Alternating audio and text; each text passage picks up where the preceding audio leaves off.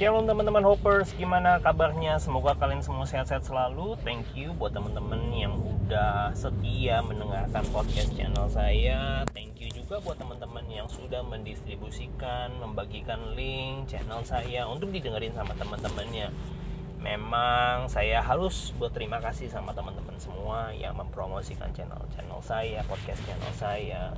Dan terima kasih buat teman-teman yang sudah klik favorite dan subscribe button di tombol playlist kalian. Buat teman-teman yang baru uh, baru saja mendengarkan, terima kasih sudah mampir. Semoga kalian suka dengan podcast-podcast yang saya buat dan kalian bisa klik tombol like dan subscribe untuk support channel saya. Thank you. Dan hari ini kita membahas teman-teman hoppers tentang Natal. Tidak terasa tahun 2019 sudah di penghujung akhir ya kita ya sudah berjalan 15 eh, hari. Tinggal sisa 16 hari guys. Saya saat saya merekam podcast ini sudah tinggal sisa 16 hari lagi. Tahun 2019 tinggal sebentar lagi guys. Dan kalau kita melihat selama bulan Desember kita melihat bahwa bulan Desember itu penuh dengan sebuah hal yang menarik. Di mana-mana, di mall, di tempat perbelanjaan, di mana-mana kita bisa melihat suasana Natal itu sudah yang namanya marak ya. Kalau lihat di gereja ornamen-ornamen hiasannya juga sudah kerasa banget. Bulan Desember itu mulai muncul yang namanya hiasan-hiasan Natal mulai muncul yang namanya uh, hiasan pohon kemudian ada ornamen-ornamen Merry Christmas ada yang taruh mungkin uh, apa ya lampu-lampu gelap-gelip gitu ya. Banyak sekali hal-hal yang memperlihatkan uh, mereka menyambut bulan Desember itu sebagai uh, bulannya uh, Natal gitu ya. Dan tapi hal yang juga cukup menyedihkan adalah ketika kita melihat dan memperhatikan bahwa banyak sekali orang Kristen, banyak sekali orang percaya mereka tidak menyadari bahwa Natal itu harusnya fokusnya kepada Tuhan.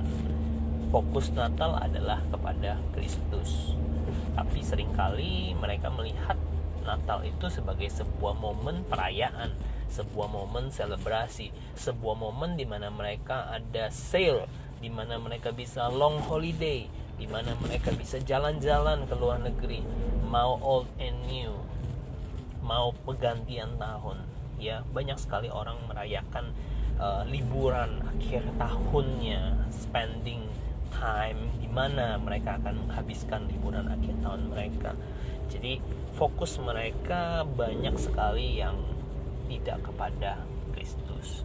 Malah saya menganggap bahwa uh, kalau kita memperhatikan pohon Natal di gereja banyak sekali saya melihat kesamaan pohon Natal itu punya sebuah spirit ya. Punya sebuah filosofi yang unik tiga hal ya menurut saya.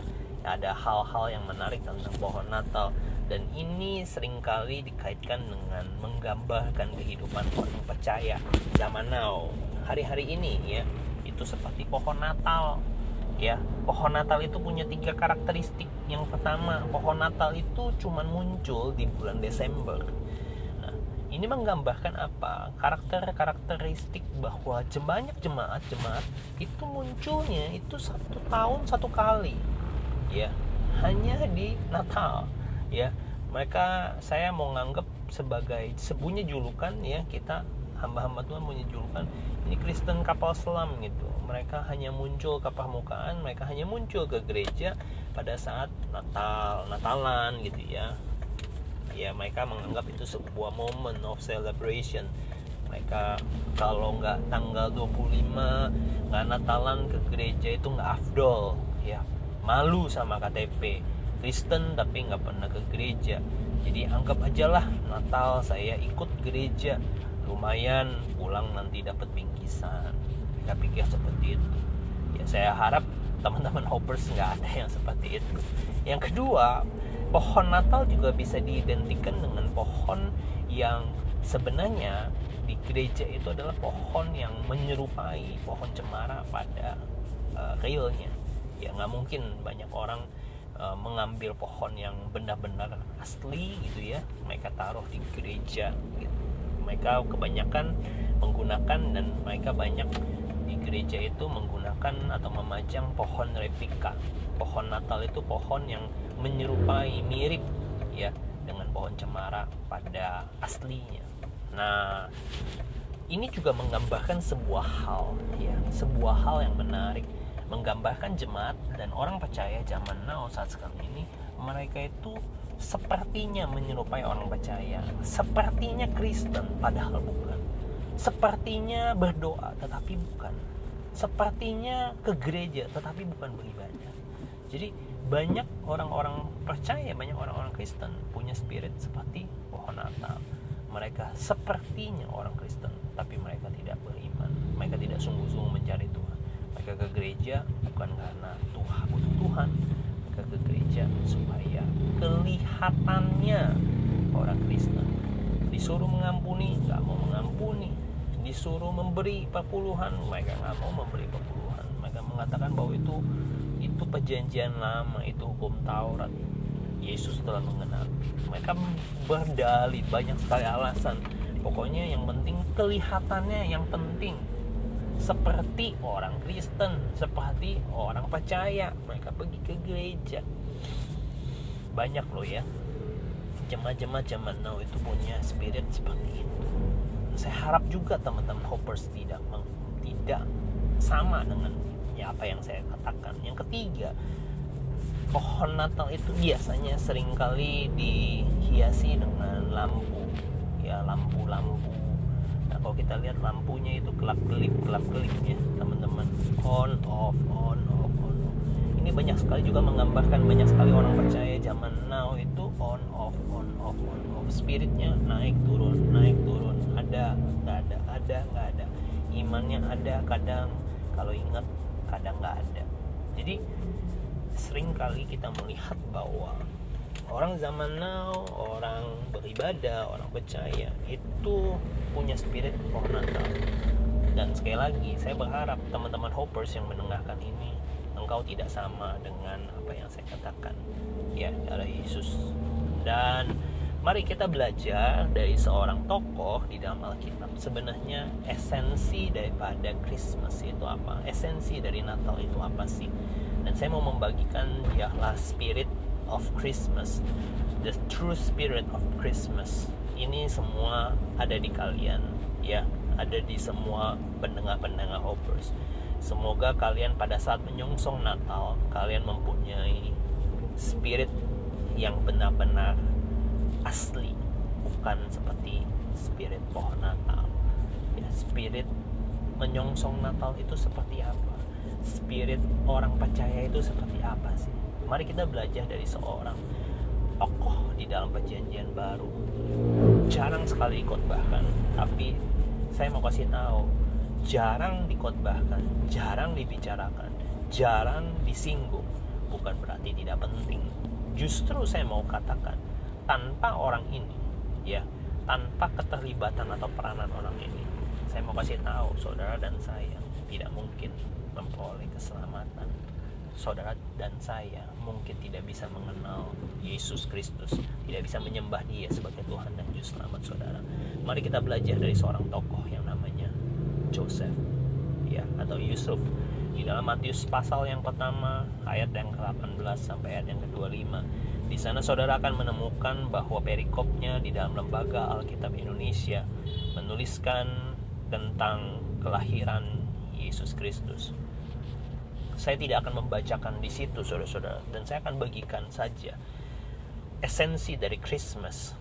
Apa yang harus kita punya apa yang harus menjadi modal kita ya pada saat kita menyongsong Natal ya Natal itu memang bicara tentang kelahiran Kristus. Tapi dia bukan lagi lahir sebagai seorang bayi. Lahiran Yesus Kristus harusnya kita peringati sebagai sebuah momentum di mana kita punya the true Christmas spirit ya. Spirit Natal yang sesungguhnya. Christmas spirit ya. Ya sejati. Spirit yang sejati mari kita melihat yang pertama. Kita belajar dari Yusuf. Apa istimewanya? Yusuf kenapa dia istimewa? Pada saat dia dikatakan Yusuf ini adalah seorang yang bertunangan dengan Maria. Yusuf ini juga diceritakan di ayat yang ke-16 dia adalah keturunan daripada uh, Yakub ya. Dia keturunan daripada uh, Raja Daud juga silsilah Raja Daud dituliskan di dalam Matius 1 ayat 1 sampai ayat yang ke-17 saudara bisa menemukan bahwa Yusuf itu satu garis keturunan dengan Raja Daud. Dan dia bertunangan dengan tunangannya yang namanya Maria. Ya dan dikatakan di situ dia mendapatkan kabar dari Maria tunangannya. Dan tunangannya ini berkata kepada Yusuf tentunya bahwa dia hamil. Ya hamil saudara-saudara. Nah apa yang terjadi? Yusuf yang mendengar cerita itu bahwa Maria mendapatkan sebuah penglihatan mendapatkan sebuah pesan dari malaikat yang namanya Gabriel bahwa dia mengandung daripada Roh Kudus ya seorang anak laki-laki yang menjadi juru selamat bagi dunia tentu saya percaya saya pikir secara logika dan pikiran Yusuf pada saat mendengar dia aneh gitu ya. Ya bagaimana mungkin nggak masuk akal. Secara logika dia pasti berpikir mungkin Maria itu berselingkuh mungkin ya. Tapi Yusuf ini dikatakan adalah seorang yang tulus hatinya. Dia dia bermaksud untuk menceraikan Maria diam-diam ya dia tidak mau mempermalukan istrinya dia seorang yang tulus. Nah belajar dari satu kata yang pertama the true Christmas spirit. Yang pertama esensi daripada Natal adalah saudara-saudara yang percaya kepada Tuhan. Saudara-saudara yang menjadi orang-orang yang mengenal Tuhan yang menyongsong Natal. Kiranya kita yang memiliki karakter yang pertama ya karakter pertama dari Yusuf yang kita bisa teladanin adalah sebuah yang kata yang namanya tulus. Yusuf adalah seorang yang tulus. Tulus itu diambil dari kata Yunani yang namanya dikaios. Dikaios itu adalah pure innocent holy. Ya innocent itu tidak bersalah tidak berdosa. Holy kudus. Ya dia baik. Dia tidak bercacat dia tidak bercela dia acceptable to God. Dia berkenan di hadapan Tuhan. Ketulusan ini berbicara mengenai bahwa Yusuf memiliki sebuah karakter yang luar biasa yaitu tulus hatinya. Dia ada seorang yang baik. Dia tahu kalau Maria pada saat zaman itu ketahuan seorang gadis ya mungkin dibicara mengenai jangankan hamil tidur sama laki-laki lain pun kalau kedapatan ada sebuah bukti yang benar-benar bisa membuktikan. Maka hukuman pada saat itu adalah hukuman mati. Ya semua masyarakat yang melaporkan yang pertama kali itu boleh menjadi orang yang pertama untuk melemparkan batu menajam orang yang kedapatan berselingkuh itu sampai dengan mati. Itu hukum Taurat pada saat itu. Dan Yusuf mengetahui itu. Ya tapi dikatakan di dalam Alkitab dia adalah seorang yang tulus hati. Dia seorang yang tidak bermaksud untuk mencelakakan Maria. Dia tahu Maria ada dalam resiko di dalam sebuah bahaya yang besar. Apabila semua orang mengetahui tentang kehamilan Maria saya percaya orang di desa itu akan menghukum dan merajam batu Maria sampai mati. Tapi lihat Yusuf berusaha untuk menceraikan Maria diam-diam. Dia mau melindungi Maria. Dia tulus, dia melakukan itu semua untuk melindungi Maria. Karena apa? Karena dia mengasihi Maria tentunya. Nah, saudara-saudara yang dikasih Tuhan, saudara-saudara hoppers, teman-teman hoppers, kita melihat bahwa ketulusan itu adalah sebuah esensi yang pertama dalam Natal. Tulus itu artinya saudara tidak ada sebuah agenda apa pun.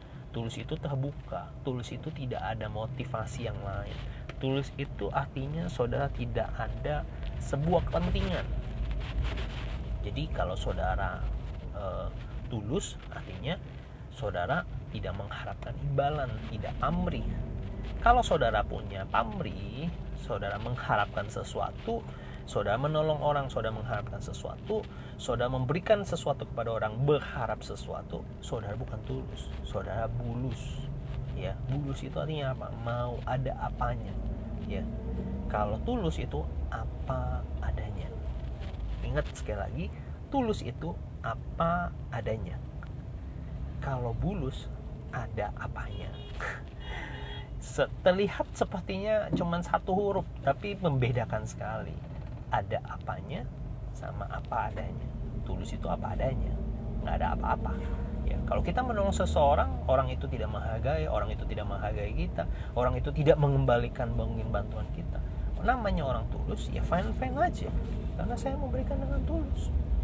Ya, jadi ketulusan itu penting mari kita belajar tentang sebuah hal ya prinsip tentang ketulusan di momen Natal ini yang kedua Yusuf juga dikatakan di situ dikatakan pada saat Yusuf berusaha untuk menceraikan Maria diam-diam dia mendapatkan mimpi bertemu dengan malaikat saudara-saudara. Dan malaikat itu berkata kepada Yusuf Yusuf jangan kau ragu untuk mengambil Maria sebagai istrimu karena janin yang dikandung oleh istrimu saat ini adalah Roh Kudus. Ya itu adalah uh, roh yang dijanjikan Tuhan. Ya. Bayi itu adalah yang dijanjikan Tuhan Mesias penyelamat penyelamat umat manusia yang menebus dosa-dosa anak manusia. Dan setelah janji, ya, setelah mimpi itu berlalu firman itu disampaikan. Yang kedua kita melihat Yusuf itu melakukan seperti apa yang didengar oleh malaikatnya. Ya. Dia bukan hanya tulus teman-teman hoppers dia yang kedua punya prinsip yang kedua esensi daripada the true Christmas spirit. Ya kalau saudara menyongsong Natal ini mari kita songsong dengan sebuah keteladanan yang kedua. Keteladanan yang kedua adalah dia punya ketaatan. Ketaatan yang total. Ya full obedience. Kita melihat bahwa Yusuf itu taat Yusuf melakukan seperti apa yang dikatakan oleh malaikat itu. Apa yang dikatakan di dalam firman. Dia taat. Meskipun kalau teman-teman, saya secara laki-laki kalau bicara mengenai posisi Yusuf mendapatkan informasi bahwa tunangan saya hamil ya dengan cerita seperti itu. Kalau saat sekarang ini karena saudara sudah membaca Alkitab bahwa itu memang dari Roh Kudus. Kalau teman-teman yang ngadepin tunangan saudara hamil bukan saudara yang melakukan.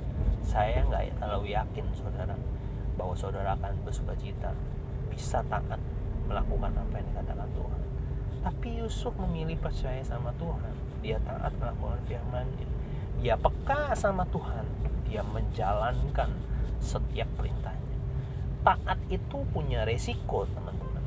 Taat itu punya sebuah hal yang namanya konsekuensi tapi kalau orang itu mengasihi saya percaya segala konsekuensi segala resiko dia akan ambil. Dia akan berani ambil. Karena apa? Karena dia mengasihi. Ya 1 Yohanes 5 ayat 3 perintah-perintahku itu tidak berat. Barang siapa yang mengasihi aku dia akan melakukan perintah-perintah aku. Jadi saya mau katakan kepada teman-teman nggak ada yang terlalu berat untuk teman-teman lakukan. Setiap firman Tuhan itu ditulis bukannya sesuatu hal yang mustahil. Kalau saudara di, dikatakan untuk hidup kudus bukan mustahil ya. Saudara untuk hidup itu kita perlu taat. Hidup kudus itu kita perlu taat. Taat apa? Taat kepada firmannya. Jangan engkau menjadi serupa dengan dunia ini tetapi berubahlah. Menurut pembaharuan akal budimu sehingga engkau bisa bisa melakukan apa yang menjadi kehendak Tuhan yang baik yang sempurna. Engkau bisa mengenali itu semua. Ya jadi itu. Yang kedua adalah ketaatan obedience. Yang ketiga yang terakhir poin penting dari keteladanan seorang Yusuf adalah dikatakan dia mengantarkan Maria. Dia mengambil Maria dan dia pergi. Ya pergi bahkan kalau saudara lihat dia pergi jauh sekali. Dia dari kotanya dari Nazaret dia pergi mengungsi ya. Bethlehem kemudian dari Bethlehem sempat dikejar-kejar oleh Raja Herodes dia pindah ke Mesir dan Mesir pindah lagi ya. Ke Galilea so, kalau saudara lihat semua perjalanan itu ya pada zaman itu mereka itu lakukan dengan jalan kaki. Dan saudara bisa bayangkan seorang laki-laki punya mungkin cuman hanya satu ekor keledai sebagai transportasi. Pada zaman itu cuman ya cuman dua aja. Kalau nggak jalan ya naik keledai dan saya percaya mereka mungkin cuma punya satu keledai satu keledai nggak mungkin yang namanya cowok cewek apalagi tunangan yang hamil besar. Ya Yusuf yang naik tuh nggak mungkin. Saudara bisa melihat yang saya mau bagikan kepada teman-teman hoppers bahwa keteladanan yang ketiga yang kita bisa pelajari adalah bicara mengenai sacrifice pengorbanan. Ya Natal itu bicara tentang pengorbanan teman-teman. Ya karena begitu besar kasih Allah akan dunia ini sehingga ia mengaruniakan anaknya yang tunggal. Artinya Tuhan mengasihi saudara dan saya. Tuhan memberikan putranya yang tunggal. Tuhan mengorbankan putranya yang satu-satunya anaknya yang tunggal. Supaya apa? Supaya teman-teman hoppers yang percaya kepada dia tidak binasa. Engkau tidak mengalami yang namanya kegelapan secara kekekalan tapi engkau beroleh hidup yang kekal bersama dengan dia. Wow teman-teman bisa bayangkan begitu besarnya kasih Tuhan kepada saudara. Sehingga kalau dia mengasihi pasti orang itu berkorban sekali lagi saya mau katakan orang bisa memberi tanpa mengasihi. Tapi kalau orang mengasihi pasti dia akan memberi. Ya memberi memberi itu sebuah wujud sebuah sebuah act sebuah tindakan bahwa orang itu mengasihi. Nah teman-teman bisa belajar tiga hal yang keteladanan dari Yusuf. Yang pertama dia sincere dia tulus. Ya. Itu sebuah keteladanan yang luar biasa.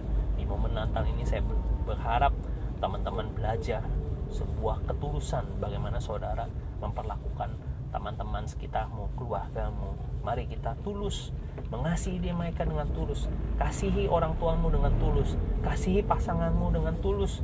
Kasihi pasangan suami atau istrimu dengan tulus. Kasihi mama mertuamu, papa mertuamu. Kasihi mantumu dengan tulus. Dan kiranya kalau engkau mengampuni, ya ampuni mereka dengan tulus. Lakukan firman juga dengan tulus. Ya, ya.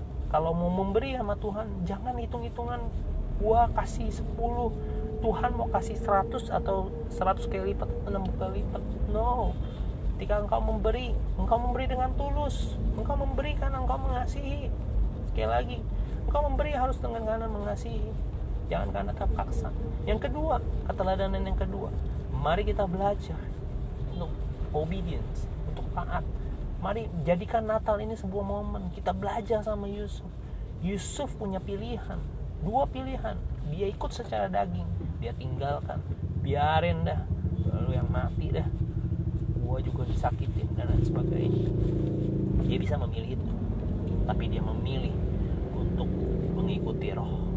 Dia memilih untuk taat kepada firman. Sehingga apa? Ketaatannya Yusuf mendatangkan keselamatan buat Maria. Dan ketika Maria selamat justru dia bisa melahirkan juru selamat bisa saudara dan saya kenal sampai hari ini. Ketiga, mari kita belajar tentang sebuah nilai yang namanya sacrifice. Ya. Di momen Natal ini tiga hal, sincerity, tulusan, obedience, ketaatan, dan sacrifice, pengorbanan menjadi bagian dalam kehidupan teman-teman hoppers di mana pun saudara berada mari kita belajar sama-sama untuk menerapkan ini ya selamat menyongsong hari Natal ya di tahun 2019 ini dan semoga saudara semua sobat-sobat hoppers menjadi orang-orang yang diberkati Tuhan. God bless you all. Thank you. See you in the next episode. Bye bye.